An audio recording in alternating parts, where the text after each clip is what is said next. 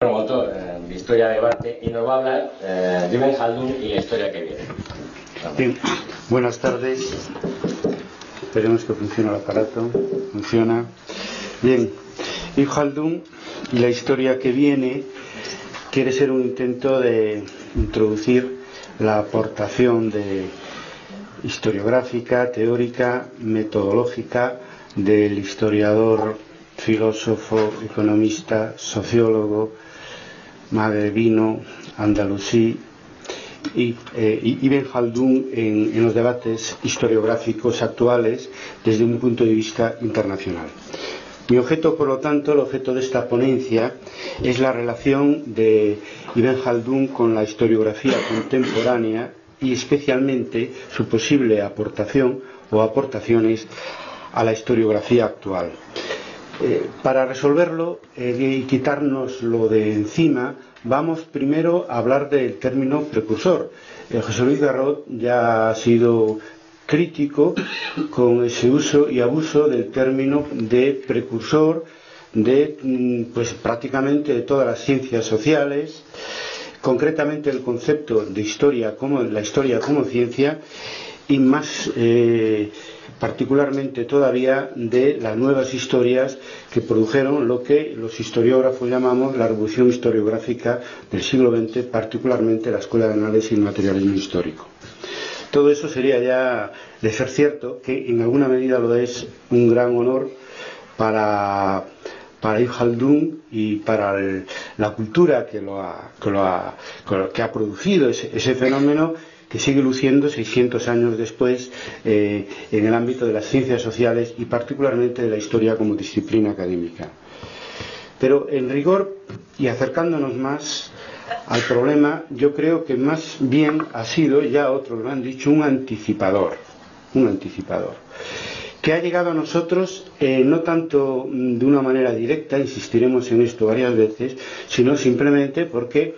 cuando la, escritura de la historia estaba cambiando en, Europa, siglos XIX y XX, se vio favorecida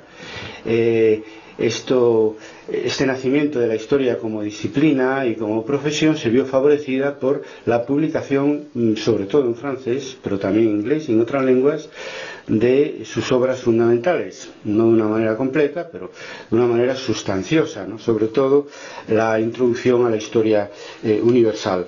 Hubo una primera fase de traducciones eh, a mediados del siglo XIX y una segunda fase a mediados del siglo XX. Por lo tanto, es posible encontrar citas como lo que se ha dicho ya aquí sobre Brodel, eh, figura eh, la figura más destacada de los segundos anales, diciendo que era un precursor del concepto de civilización. Pero yo creo que la relación de Ibn Haldun con nosotros, a través de la historiografía más reciente, no es tanto una relación directa, sino como unos procesos paralelos separados en el tiempo.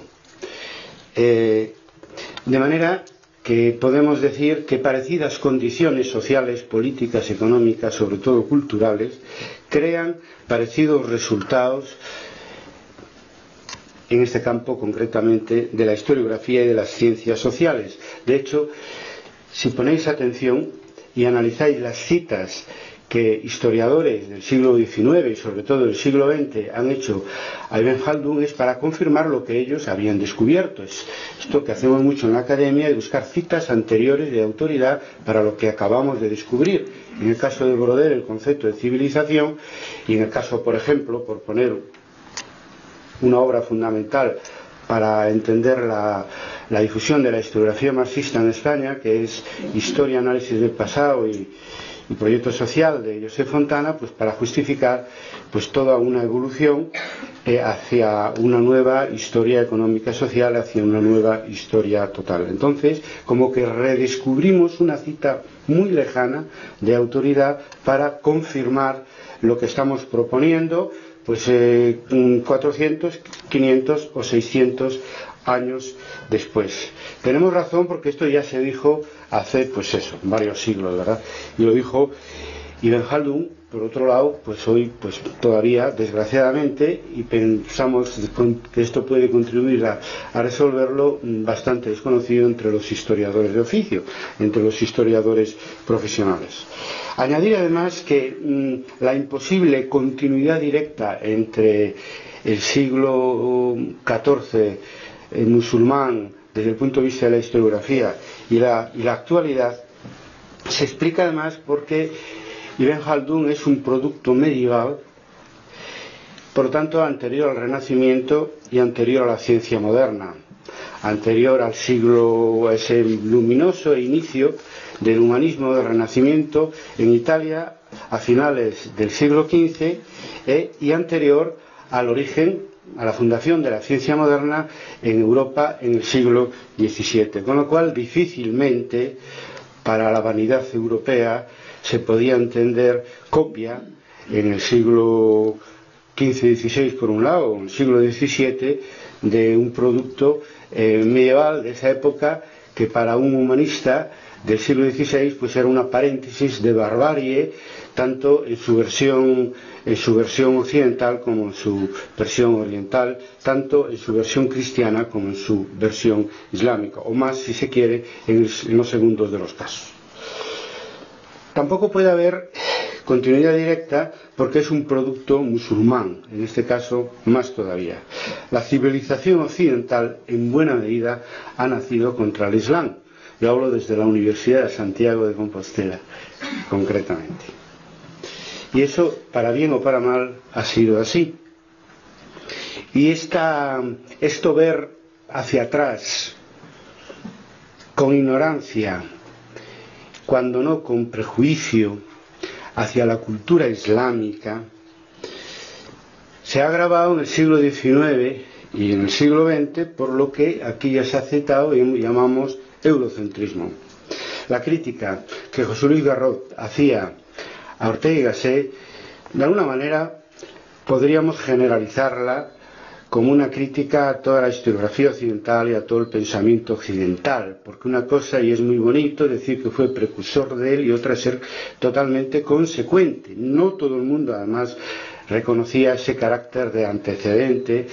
de Ibn en, en, lo que ha sido el avance, en nuestro caso concreto, de la historiografía occidental desde el positivismo hasta el marxismo. Entonces, en ese sentido, eh, eh, difícilmente por razones de, sucesión de siglos, por un lado, y de rupturas históricas, por otro, podemos hablar de una relación directa entre la, historiografía la historiografía árabe y su máxima expresión a finales de la Edad Media y lo que conocemos como revolución historiográfica, pues desde eh, sus dos fases, desde, desde Leopold von Ranke hasta pues, pues eh, I.P. Thompson, ¿no? desde el positivismo hasta, hasta el marxismo eh, historiográfico inglés. Yo creo que si aplicamos a Ibn su propia norma, donde dice que la sociedad es más importante que el individuo para conocer las causas y explicar con profundidad un hecho histórico, tendríamos que decir que Ibn Khaldun es la cima y la expresión de la historiografía, la filosofía y la ciencia árabe en el siglo XIV, en un momento en que la historiografía, la filosofía y la ciencia eh, cristiana, es decir, la cultura occidental, era inferior a la cultura árabe. Era, se trataba de una cultura occidental en formación que tardaría siglos en encontrar su propia cima y su, propia expresión final, eh, sobre todo si hablamos del campo estrictamente científico, y aunque aquí se ha dicho poco, además de filosofía, de filología y de historia, en Ijaldún hay mucha influencia científica directa. Por lo tanto, en esto tenemos que ser tremendamente modestos y ver hacia atrás eh, sin ira, sabiendo que, que, en la historia se producen, como, explica Ibn Haldun, ciclos no solo históricos, sino ciclos historiográficos. Él explicaba de un concepto de progreso en espiral, no, no sencillamente eh, volviendo al, punto de partida y, la modestia indispensable en este comienzo de siglo nuevo para Europa es que reconocer que cinco siglos después la historiografía occidental recorre el mismo proceso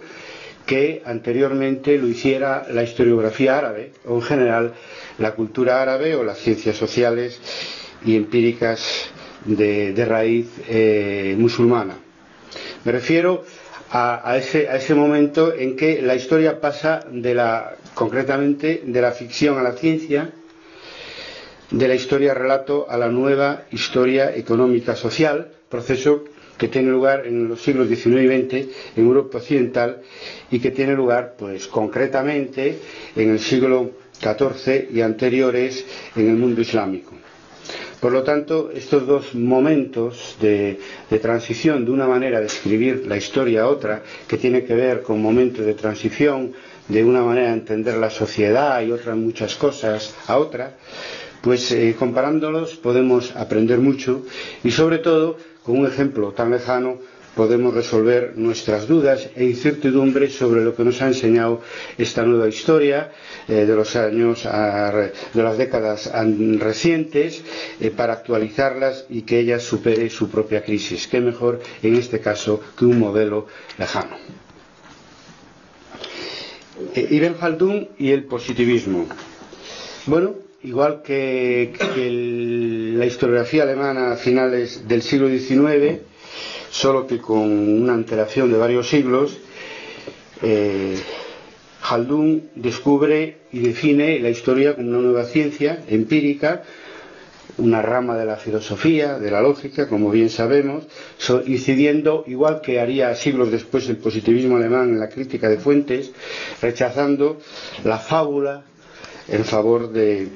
de un análisis mm, serio en base a fuentes, a su vez criticadas de lo, del pasado de la humanidad. Pero yo quería mm, matizar que Ibn Khaldun va más allá que el positivismo alemán de finales del siglo XIX, porque él habla de una cosa que llama método demostrativo de otra que llama argumentos deductivos, que nos suenan más al neopositivismo de mediados del siglo XX, con su método hipotético deductivo y el uso de la lógica racional para, eh, para, para, para, investigar y llegar a conclusiones en historia y en otras ramas mm, y disciplinas. Por lo tanto, ya tenemos eh, un Ibn Khaldun que al mismo tiempo que descubre lo que descubrirá siglos después el positivismo, descubre lo que descubrirá después del positivismo el neopositivismo. Al mismo tiempo, él, como, como la escuela historicista alemana, pues centra el análisis histórico en las grandes figuras de la política. Él mismo fue una gran figura de la política en el Magreb. Y añade algo que en aquel momento es una auténtica novedad, aunque él seguía por otros maestros anteriores. No hay un discurso ex novo, ni lo pretende, además. Y es que introduce el sujeto colectivo en la historia, la economía y la sociedad, y no se reduce al estudio que con el paso del tiempo los anales llamaban la historia historizante superficial de analizar exclusivamente las instituciones, la política, la norma jurídica. Eso Ahí tan lejos no llegó el positivismo decimonónico alemán que inundó todas las universidades eh, occidentales en el campo de la historia, del derecho y en otras, y en otras disciplinas. Por lo tanto, ya tenemos un Ibn Khaldun que quema etapas y se hace y, da el primer paso de lo que es una ciencia positivista y va más lejos del propio von concediendo un margen a la, razón del historiador para analizar el pasado que el positivismo más ingenuo que decía que la función del historiador es conocer el pasado tal como fue, no siempre le concedió. Y Ben Haldun, Anales y Marxismo. Sobre Anales hay una, una investigación ya hecha por el profesor Garrot, que no me extiendo mucho, pero es realmente impactante leer en la Mucadina la misma definición de la historia que resultaba nueva a lo largo del siglo XX y, leerla en un autor eh, musulmán del siglo XIV. Él dice, Haldun, que el objetivo de la ciencia histórica es conocer el estado social del hombre. En otros lugares emplea como sinónimos conocer la sociedad humana, el género humano. Y es que está casi clavada con la definición que Marc Bloch en otra introducción a la historia, como se tradujo Métier d'historien o Apologie pour l'histoire en, en español, en el Fondo de Cultura Económica, y dice que la historia es la ciencia de los hombres en el tiempo no, no el estudio de estos, el estado social del hombre o, de la sociedad humana o el género humano, obviamente en el tiempo, sino el estudio la ciencia de los hombres en el tiempo. Es muy semejante, igual que la que he a checar en que es la historia que es el libro de cabecera para entender un poco lo que es la historiografía marxista inglesa eh, posterior a la fundación en 1952 por los historiadores eh, marxistas británicos que militaban en el Partido Comunista, la revista Pasan Prese, pues E. H. Carr dice que para él la historia es la ciencia de la sociedad en el tiempo. Sociedad, hombres, estado social del hombre, sociedad humana, género humano. Realmente impactante, incide por lo tanto en la explicación que dábamos que las mismas condiciones y determinadas inteligencias en un contexto histórico, disciplinar, cultural, pues llegan a unas conclusiones parecidas porque está por ver de que exista una relación directa entre estas definiciones del siglo XX y las definiciones que en su introducción a la historia universal nos ofrece en la segunda mitad del siglo XIV Ibn Haldun en ese desierto que maravillosamente aquí eh, eh, mítico nos han, nos han puesto en imágenes esta mañana. No es menos la sorpresa al encontrarse expresiones como esta. Se trata de conocer por parte de la historia el pasado por el presente, o bien de confrontar el presente con el pasado. Calcao de los subtítulos que Lucien Febre, una vez desaparecido violentamente eh, mm, y aplicado a la tarea de editar su manuscrito, Oficio Historiador, Apología de la Historia, eh, la introducción a la historia de Mark del Fondo de Cultura Económica, pues entonces eh, unos apartados que no estaban subtitulados, él introduce estos subtítulos, comprender el pasado por el presente, comprender el presente por el pasado, casi igual, el pasado por el presente, confrontar el presente con el pasado, decía el, el legista el legista magrebino Ibn Haldun siglos antes. Yo creo que eh, en ambos, entre ambos la mayor diferencia entre ambos fenómenos, las vanguardias historiográficas del siglo XX y Ibn Haldun, hay más una diferencia con todo histórica que historiográfica. Por ejemplo, el sujeto colectivo que recupera como agente histórico Ibn Haldun son tribus, son pueblos, son naciones, menos clases, no tanto clases sociales, cuyo estado de constitución naturalmente en la Baja Edad Media pues era muy endeble, no, no digo que no existieran, pero los protagonistas históricos que él conoció y con los que él trató como político activo fue tribus, pueblos, naciones. Entonces esto se explica más histórica que historiográficamente. El desarrollo económico social en el siglo XIV no es el del siglo XIX, siglo XX, que crean pues eso, la, clase obrera, primero la revolución burguesa, luego la clase obrera, los, grandes movimientos sociales que tuvieron una enorme influencia en estas vanguardias historiográficas, no me refiero solamente a, a las que se remitían al marxismo, sino también a la escuela de los anales. Y después que difícilmente él podía darle un papel en la historia, aunque lo tuvieran, a ese sujeto social colectivo eh, de clase, más que, más que nacional, diríamos hoy, eh, considerando todo lo, que se llamó el elitismo, el aristocratismo de Ibn Haldun, todos estos prejuicios personales y sociales contra capas y oficios bajos que destila en toda su obra y que no le quitan mérito ninguno pues no le quitan a, toda su obra. Precisamente Marbloch cita un proverbio árabe que decía que un hombre se parece más a su tiempo, que un, historiador se parece más a su tiempo que a sus propios padres, él también. Yo creo que es muy interesante confrontar la autobiografía de Ibn Haldun con la Mukadima, de introducción a la historia. En, el primero de los casos, él cuando cuenta su, propia vida, pues es una sucesión mm, muy sugestiva, muy sugerente, muy atractiva, pero en todo caso muy tradicional en su enfoque metodológico de hechos, nombres, lugares y situaciones. Por lo tanto, él, eh, en ese momento, cuando ya estaba pues redactada en gran medida eh, la, la Mukamadima, ¿no? Pues eh, él hace su propia historia siguiendo un esquema muy tradicional desde el punto de vista historiográfico. Mm, ¿Eso qué quiere decir? Bueno, pues que él no descalificaba la historia relato, como hizo posteriormente los anales y marxismo hasta el punto de la satanización. Él decía que era insuficiente, que no bastaba con el aspecto exterior de los hechos históricos, que había que analizar el aspecto interior, no solo lo que se ve, sino también lo que no se ve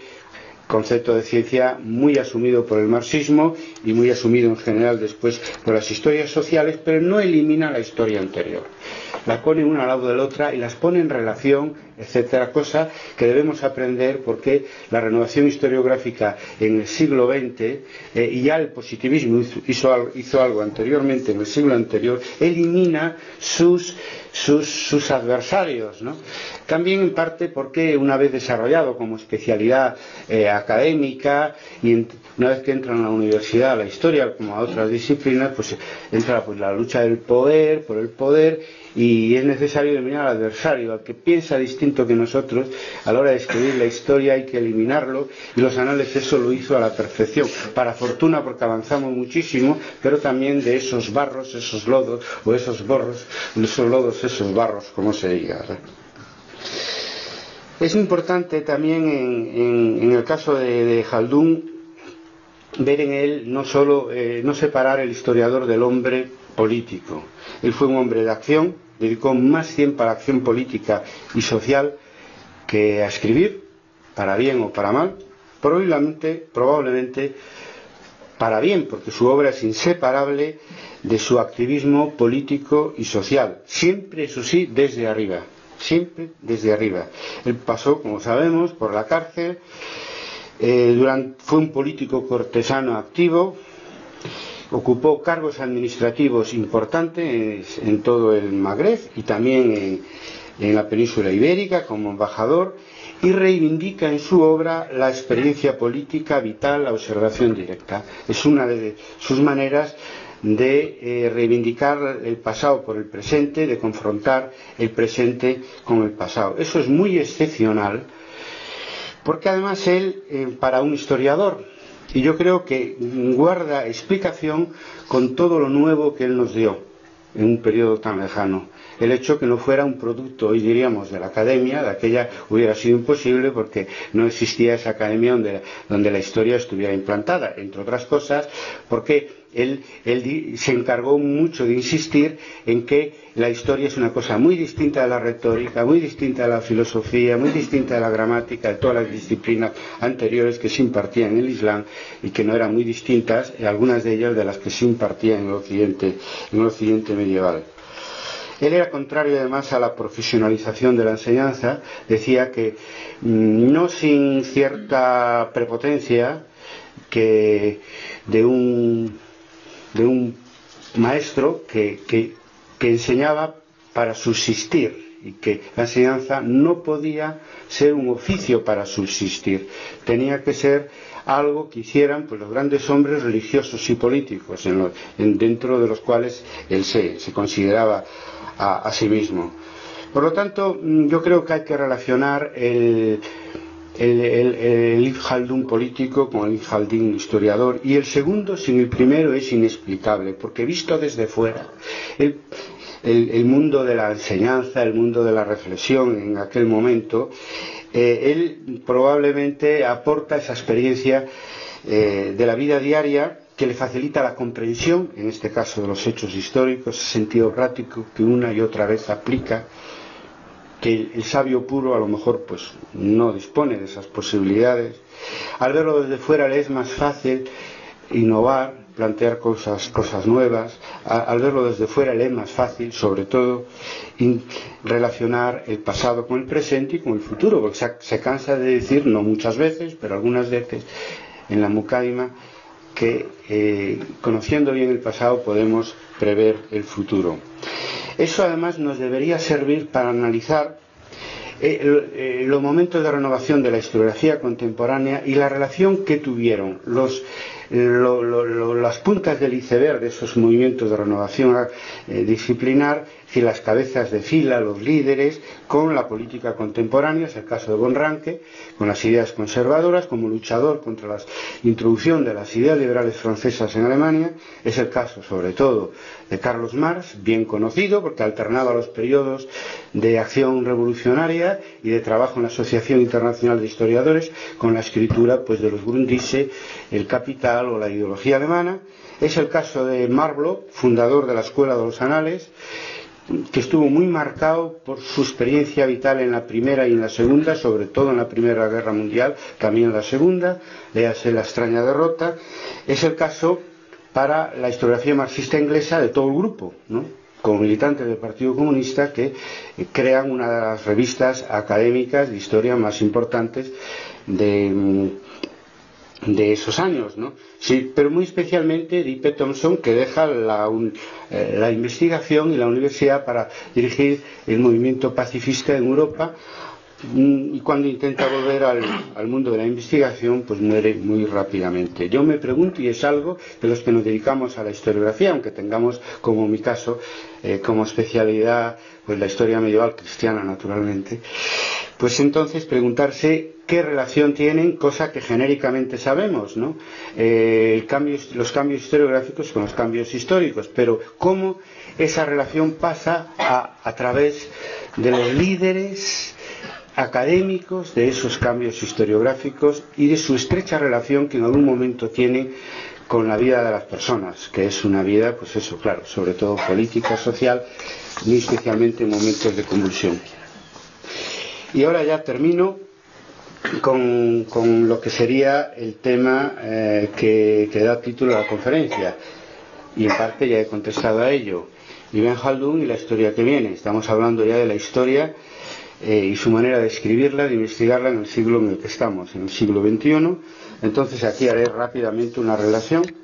de cinco puntos donde el volver a, eh, Ibn Haldun nos puede ayudar, por ejemplo, a hacer una historia más pensada,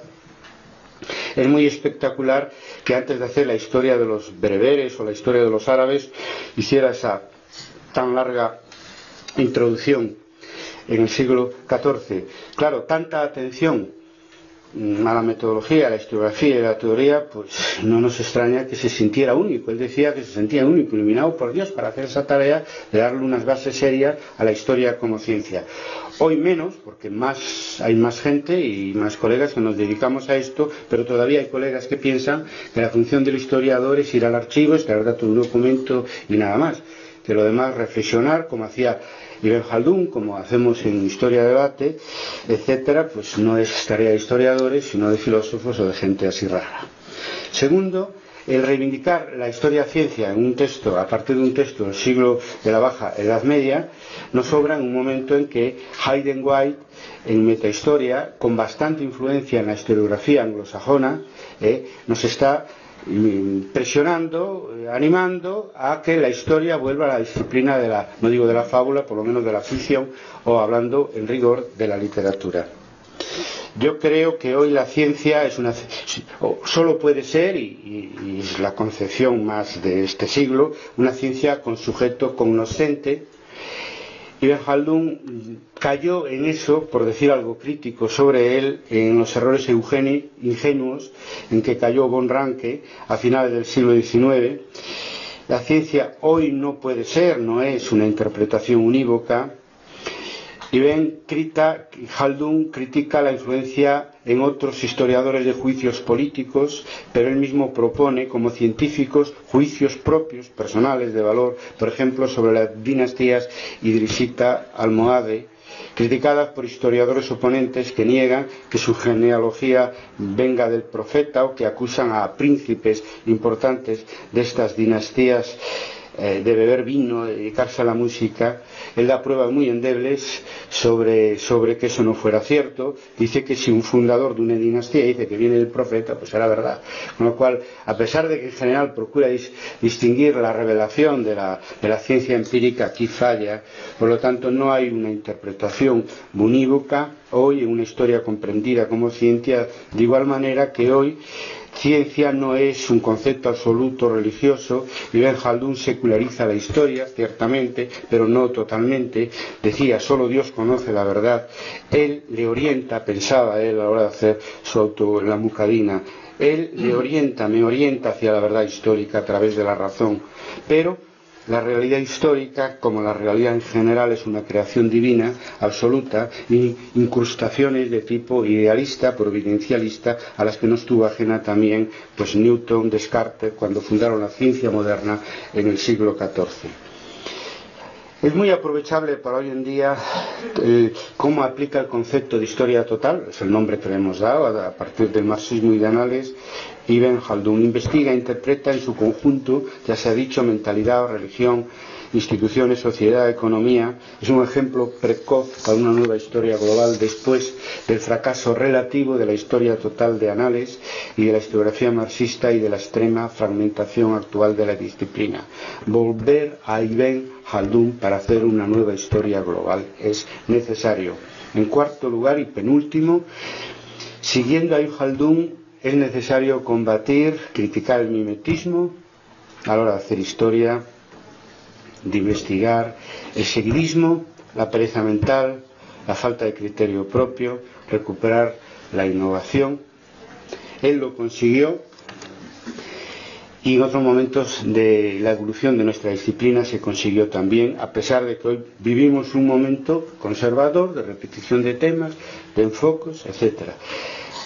Es muy necesario en la historiografía actual, después de la decadencia de las grandes escuelas, hay necesidad de, la, de lo que llamó nueva creación. Vivimos un momento de transición, no tanto de decadencia como de transición de lo viejo a lo nuevo. Y en quinto y último lugar, es necesario retomar la historia universal de Ibn Haldun en un tiempo de globalización como campo de investigación histórica. El volumen 2, si no me equivoco, de la historia de los árabes, era la historia de los árabes y de los pueblos no árabes. Y no solo hizo la historia de, los pueblos musulmanes, sino que además la historia del mundo. En ese momento, bien es cierto que para él los francos y lo que después fue la, civilización europea eh, formaban parte de la periferia. Hoy desde la historiografía norteamericana y otras se está intentando hacer una World History, una historia mundial que ha de reconocer eh, un anticipador en la obra de Ibn Haldun del siglo XIV. Para acabar, la actualidad de Ibn Haldun, magrebino y andalusí, no se reduce a la historia y las ciencias sociales, nos recuerda un Islam originario en el que la fe y la razón son compatibles. Recordarlo nos ayudará a construir un mundo mejor. Gracias.